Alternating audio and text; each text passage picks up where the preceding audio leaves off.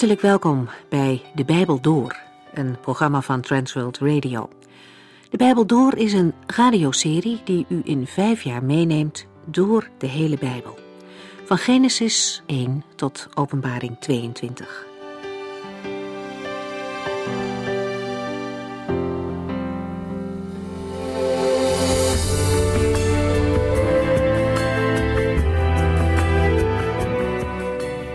Gaan in deze serie verder met de koningen die over Israël regeerden.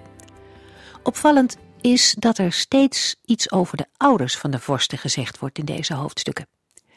De Bijbel benadrukt daarmee de invloed die een opvoeding op een kind kan hebben. En vervolgens neemt een kind die invloed weer mee in zijn positie in het leven. De koningen worden ook vergeleken met David, de man naar Gods hart. Na de dood van Regabiam komt Abiam op de troon in Jeruzalem. Hij is niet gericht op God. In dat opzicht lijkt hij niet op zijn overgrootvader David. Toch is de Heere genadig. Het koningschap wordt niet uit de familie weggenomen. En de reden hiervoor is de trouw van David. Die werkt nog generaties lang door. En hier staat nog eens expliciet dat David zijn hele leven de Heere had gehoorzaamd, behalve in de kwestie rond Uria. En dat is nogal wat. Om David laat de Heer het koningschap in de familie. Abiam wordt weer opgevolgd door zijn zoon Asa. De eerste paar jaar van zijn regering in Jeruzalem overlappen met de laatste jaren van Jerobeams regering over het tienstammenrijk. Asa regeert 41 jaar, een lange periode. Hij is de eerste vorst na Salomo die weer luistert naar God. Hij maakt korte metten met de afgodsbeelden en gaat het volk voor in de terugkeer naar de Heere. In Israël is het in godsdienstig opzicht een donkere tijd. De ene na de andere koning leeft ver bij God vandaan. We hebben de vorige keer de opvolgers van Jerobeam genoemd. Zijn zoon Nadab, vervolgens Baza en dan Ela. Na hem kwam Zimri en vervolgens Omri. Sommige van hen regeerden maar kort. Het was een tijd van onrust, van samenzweringen en van afgoderij. De vrede die God het land eens had gegeven onder Salomo, die vrede was ver te zoeken. Vandaag lezen we verder over koning Agab, die ook totaal niet wilde luisteren naar God. Maar we zullen ook mensen zien die te midden van die donkere tijden trouw bleven aan de Here. 1 Koningen 16 vanaf vers 30.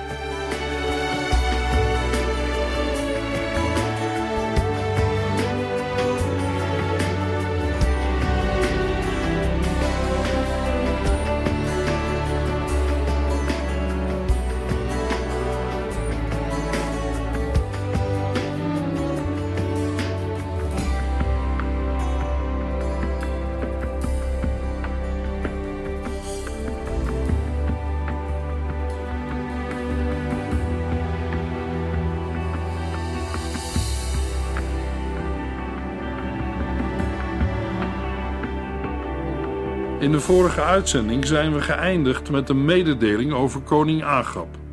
1 Koningen 16 vers 29 en 30. Koning Asa van Juda zat al 38 jaar op de troon toen koning Agab koning van Israël werd. En Agab bleef dat 22 jaar lang. Maar hij was zelfs nog slechter dan zijn vader Omri hij maakte het nog erger dan alle koningen van Israël voor hem. In de seculiere geschiedenis wordt de vader van Agab, Omri, gezien als een van de belangrijkste koningen van het Tien-stammenrijk. Na jaren van grensoorlogen en politieke onrust luidde hij een nieuw tijdperk van stabiliteit in. In 1 Koningen 16 worden al deze wapenfeiten buiten beschouwing gelaten en wordt de regering van Omri met een paar zinnen aangeduid. Alleen het hoognodige wordt vermeld: het stichten van de hoofdstad van het Tienstammenrijk. En verder wordt uitsluitend stilgestaan bij de godsdienstige situatie. Het is illustratief voor het karakter van het Bijbelboek Koningen, waar het niet gaat om beschrijving van de geschiedenis op zich, maar om een beschrijving van de geschiedenis in dienst van de boodschap van het Bijbelboek. En wat is die boodschap? Israël heeft de ballingschap aan zichzelf te wijten, omdat de koning en het volk de Heere hebben verlaten. Met de komst van koning Agab wordt het er allemaal niet beter op. Hij was zelfs nog slechter dan zijn vader Omri en maakte het nog erger dan alle koningen van Israël voor hem.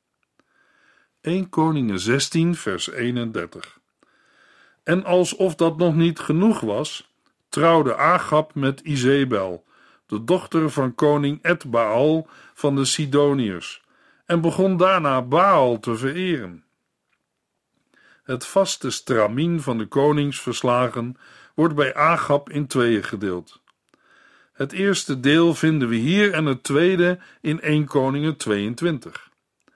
In de tussenliggende hoofdstukken wordt stilgestaan bij de confrontaties tussen Agab en de profeten van de Heere, met name Elia. Deze aandacht maken Agab tot een van de bekendste koningen uit de geschiedenis van Israël.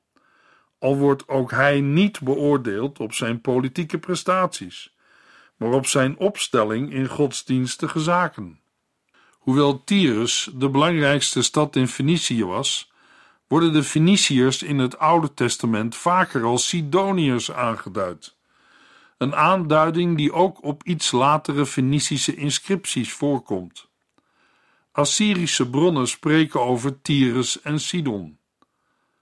Alle koningen van het tien stammenrijk wordt verweten dat zij de door Jerobiam ingestelde kalverendienst in stand hielden.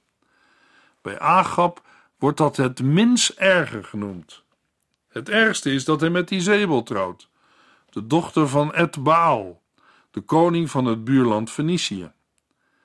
Ed Baal is de Fenicische koning Itobaal eerste. Josephus vermeldt dat Itobaal een priester van Astarte was die het koningschap via een staatsgreep had verkregen. 1 Koningen 16 sluit af met de verwijzing naar ene Giel, die de stad Jericho herbouwt. Jozua had destijds een vervloeking uitgesproken dat degene die dit zou doen, de muren zou grondvesten ten koste van zijn eerstgeborene en de poorten zou plaatsen ten koste van zijn jongste zoon. Jozua 6. Het gebeurt precies zoals is voorzegd. De woorden vormen een waarschuwing die aansluit bij de boodschap van het Bijbelboek Koningen. Als Israël de Heere verlaat door andere goden te dienen, zal de Heere zijn volk het beloofde land ontnemen. Agab trouwde met Izebel en begon daarna Baal te vereren. Er komt een tempel voor de Baal in de hoofdstad van het tienstamrijk in Samaria. In het Bijbelboek Openbaring lezen we in hoofdstuk 2, vers 20: Toch heb ik iets tegen u. U laat die vrouw Izebel maar haar gang gaan. Zij beweert namens mij te spreken, maar leert de vreselijkste dingen. Zij verleidt mijn dienaren tot ontucht en het eten van vlees dat aan afgoden geofferd is. Izebel was een overheersende en bazige vrouw die gewijd was aan de afgodendienst van Baal. Haar doel is duidelijk. Wat haar betreft kon de dienst aan de Heere verdwijnen met al zijn dienaren erbij. Het huwelijk tussen Agab en Izebel zal door politieke motieven zijn ingegeven en diende waarschijnlijk ter bekrachtiging van een vredesverdrag. Het is zelfs mogelijk dat het huwelijk al door Omri is gearrangeerd. Zulke huwelijken hadden ook godsdienstige consequenties, omdat werd verwacht dat de echtgenoot niet alleen zijn eigen godsdienst steunde. In geval van Agab, de dienst aan de heren, maar ook de dienst aan Baal zou steunen en faciliteren voor zijn buitenlandse vrouw Izebel. Uit de Joodse namen van Agabs kinderen, Agasja, Joram en Atalja blijkt dat Agab de dienst aan de Here niet afwees, maar deze beschouwde als de godsdienst van Israël. Maar het naast de Here vereren van andere goden staat haaks op de belijdenis dat er maar één God is en overtreedt Agab het eerste gebod. Agab neemt actief deel aan de verering van Baal.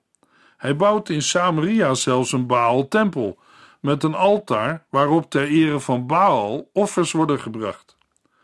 Ook maakt hij een afgodsbeeld, een paal voor Asherah.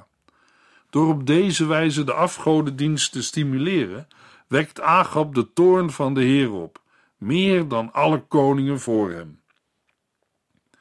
1 Koningen 17 vers 1 Op een dag zei de profeet Elia, afkomstig uit de stad Tisbe in Gilead, tegen koning Agab, zo zeker als de Heere, de God van Israël, leeft, de God die ik vereer en dien, er zal enkele jaren lang geen dauw of regen vallen, totdat ik het weer aankondig. Zonder nadere inleiding verschijnt plotseling de profeet Elia voor Agab. Zijn naam betekent: De Heer is mijn God. En hij komt uit Tisbe in Gilead. Namens de Heere, de God van Israël, kondigt hij aan dat er enkele jaren geen regen zal vallen, tot op het moment dat Elia opnieuw zal spreken. Volgens Jacobus 5, vers 17 heeft Elia gebeden dat het niet regenen zou. Als Elia de boodschap van de Heere heeft overgebracht, draait hij zich om en gaat, zonder op een reactie te wachten, weer naar buiten.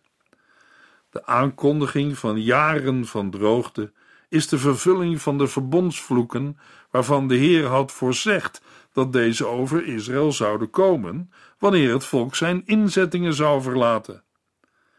Tegelijkertijd is het een regelrechte provocatie aan het adres van Baal. Baal werd geacht er zorg voor te dragen dat na het droge zomerseizoen er voldoende regen valt om een goede oogst mogelijk te maken.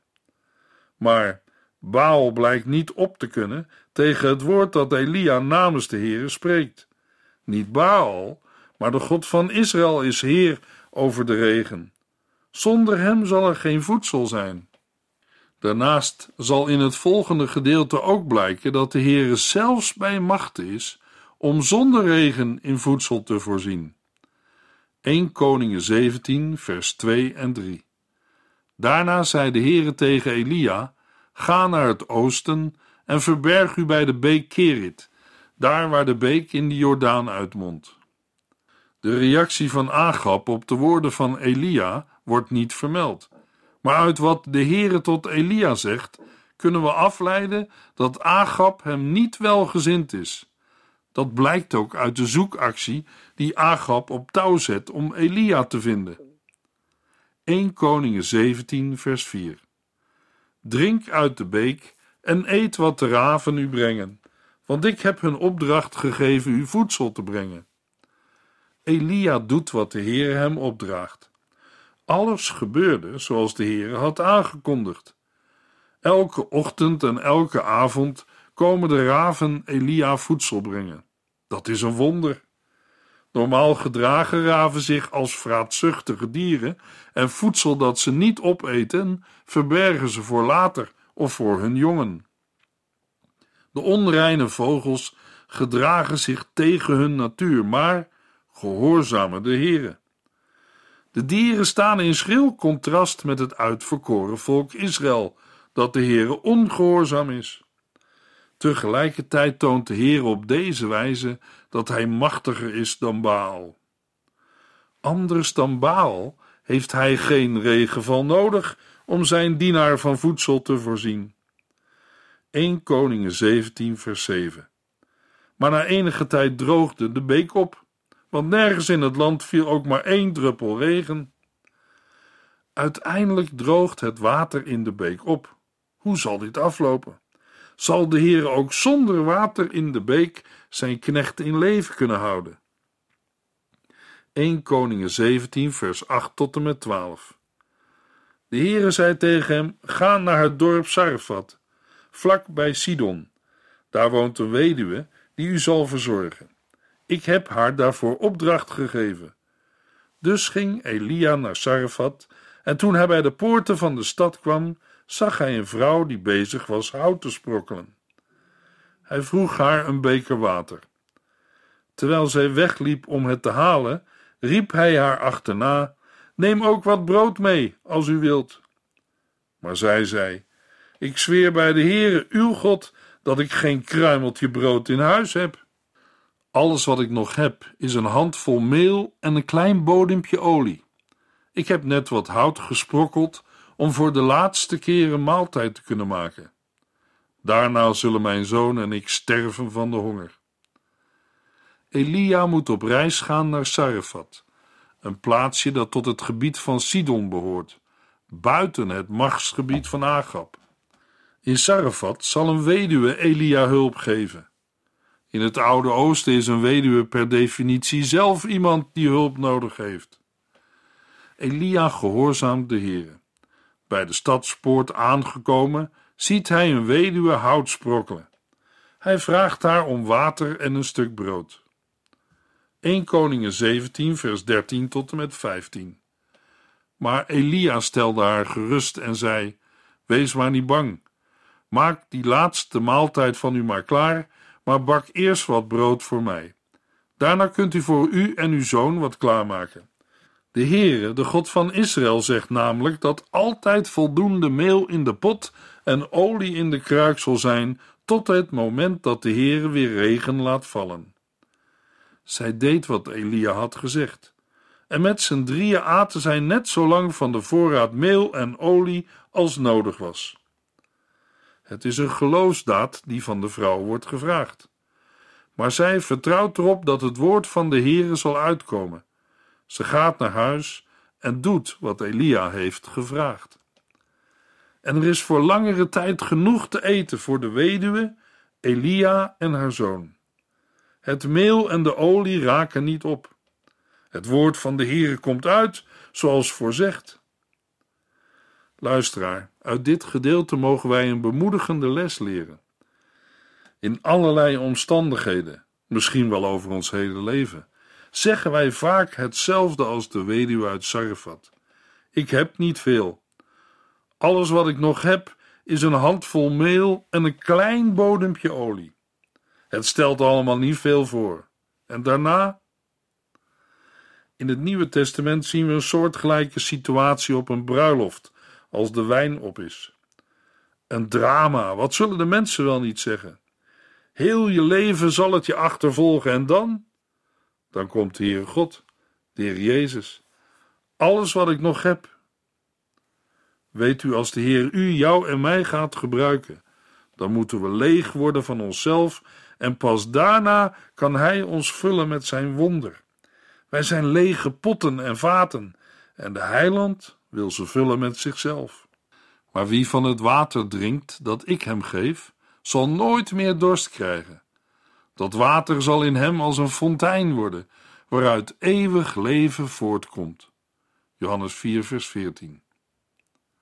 1 Koningen 17, vers 17 tot en met 23.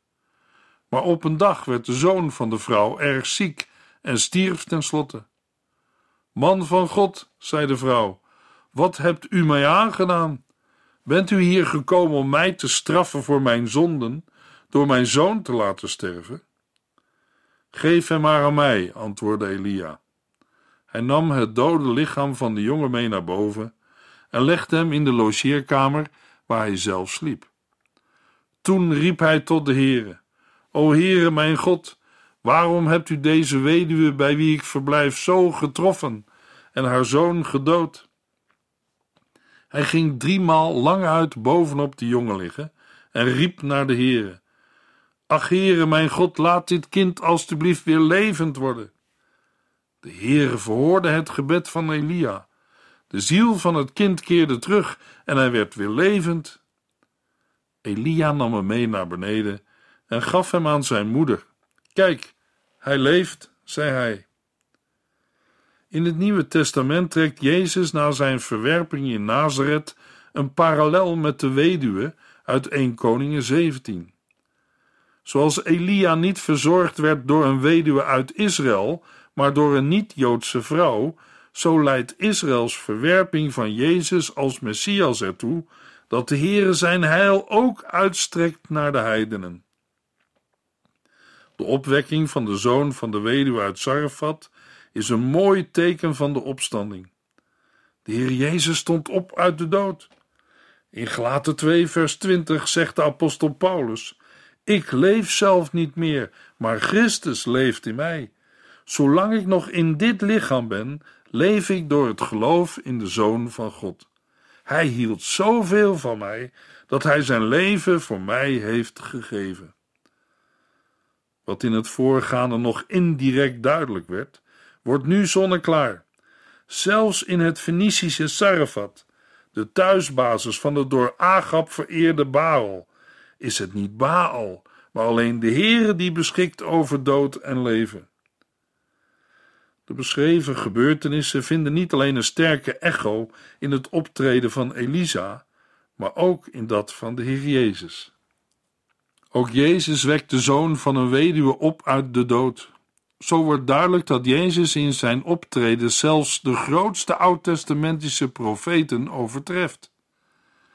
Tijdens de verheerlijking op de berg met de verschijning van Mozes en Elia horen we de Heere van hem zeggen: Dit is mijn zoon, hem heb ik uitgekozen, luister naar hem. 1 Koningen 18, vers 1 en 2. Drie jaar na deze gebeurtenis zei de Heere tegen Elia: Ga naar koning Agab en zeg hem dat ik spoedig weer regen zal sturen. Elia ging de boodschap overbrengen. Ondertussen was de hongersnood in Samaria nijpend geworden. Elia moet weer terug naar Agab. Hij moet zijn schuilplaats verlaten, want de tijd is gekomen dat de Heer opnieuw regen zal geven. Elia doet wat de Heer hem heeft gezegd en keert terug naar Israël. 1 Koningen 18, vers 3 tot en met 6. Het hoofd van Agabs hofhouding heette Obadja en was een toegewijde volgeling van de Heer. Toen koningin Izebel eens probeerde alle profeten van de Heer uit te roeien, had Obadja honderd profeten verborgen in twee grotten, vijftig in elke grot. En hij had hen verzorgd met brood en water. Koning Agab zei tegen Obadja: Wij moeten elk riviertje en elke beek afzoeken of we nog ergens gras kunnen vinden om tenminste enkele van mijn paarden en muildieren in leven te houden. U gaat de ene kant op en ik de andere. We zullen het hele land uitkammen. Zo gingen de beide mannen op pad. De versen 3 tot en met 6 vormen een intermezzo dat een tweeledig doel dient. Enerzijds wordt de benarde situatie in Israël geschetst. Tot nu toe is de blik vooral gericht geweest op Elia, die zich in Sarfat bevond. Anderzijds wordt Obadja geïntroduceerd, die een rol speelt in de ontmoeting tussen Elia en Agab. Agab beveelt Obadja samen met hem het land door te trekken, op zoek naar water en gras. De situatie is zo penibel dat als hun zoektocht mislukt, ze een deel van de paarden en muildieren moeten afmaken. Ze nemen beide een deel van het land voor hun rekening en doorkruisen het land. 1 Koningen 18 vers 7 tot en met 13 Plotseling zag Obadja Elia op zich afkomen. Hij herkende hem onmiddellijk en liet zich voor hem op de grond vallen. Bent u het werkelijk, Elia? vroeg hij. Ja, ik ben het, antwoordde Elia. Ga de koning maar vertellen dat ik eraan kom. Wat heb ik gedaan, zei Obadja, dat u mij aan Agab uitlevert en ik het gevaar loop dat hij mij ter dood brengt? Want ik zweer bij God dat de koning elk volk en elk land heeft doorzocht om u te vinden. En elke keer dat hij te horen kreeg: Elia is hier niet, dwong hij de koning van dat land te zweren dat hij de waarheid sprak. En nu zegt u dat ik hem moet gaan vertellen dat u hier bent. Maar wie garandeert mij dat, zo gauw ik u hier achterlaat, de geest van de Heer u niet zal wegdragen? Wie weet waar naartoe? Als Agab dan komt en u hier niet aantreft, zal hij mij doden. Ik ben toch mijn hele leven een trouw dienaar van de Heere geweest. Heeft niemand u verteld dat ik honderd profeten heb verborgen in twee grotten en hen heb verzorgd met brood en water toen Izebel probeerde alle profeten van de Heere te doden? In het licht van de uitgebreide zoektocht die Agab eerder heeft ondernomen, zal de boodschap van Obadja aan Agab totaal ongeloofwaardig zijn als Elia niet de garantie geeft dat hij er ook werkelijk zal zijn. Anders zal Agab Obadja zeker doden. Obadja vreest voor zijn leven en pleit bij Elia voor zichzelf. Maar Elia zegt in 1 Koningen 18, vers 15 tot en met 17: Ik zweer bij de heren van de hemelse legers, namens wie ik hier sta, dat ik mij vandaag aan Agab zal vertonen.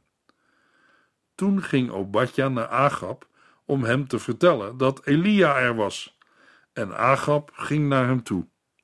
Zo, daar bent u dus, de man die deze ramp over Israël heeft gebracht, riep Agab toen hij hem zag. Elia zweert bij de Heere dat hij zich wel degelijk aan Agab zal vertonen. Dan gaat Obadja op weg om Agab te halen. De ruime aandacht voor Obadja laat zien dat, hoewel het volk als geheel de Heere verlaten heeft, er nog steeds Israëlieten zijn die hem trouw zijn gebleven. Ook wordt duidelijk dat een zich terugtrekken uit de maatschappij, zoals Elia dat moest doen, niet het enige antwoord is op een samenleving die de Heer heeft verlaten. Obadja neemt volop deel aan het maatschappelijke leven, maar is toch een gelovig man, met alle risico's die dat voor hem met zich meebrengt. Sommige uitleggers interpreteren Obadja negatief, op basis van zijn aarzeling Elia direct te gehoorzamen, concluderen zij dat een zo hoge maatschappelijke functie leidt tot een leven ten koste van een radicale toewijding aan de Heer. Maar deze interpretatie strookt niet met de positieve wijze waarop Obadja in vers 3 wordt geïntroduceerd. Hij heeft zijn leven op het spel gezet om honderd profeten van de Heere te redden. Als Izebel erachter had gekomen, had hij en de profeten het niet overleefd. We eindigen deze uitzending bij het verwijt van Agab aan het adres van Elia. Elia is de man die deze ramp over Israël heeft gebracht. Hoe zal deze confrontatie aflopen? In de volgende uitzending gaan we het lezen in 1 Koningen 18 vers 18 tot en met 46.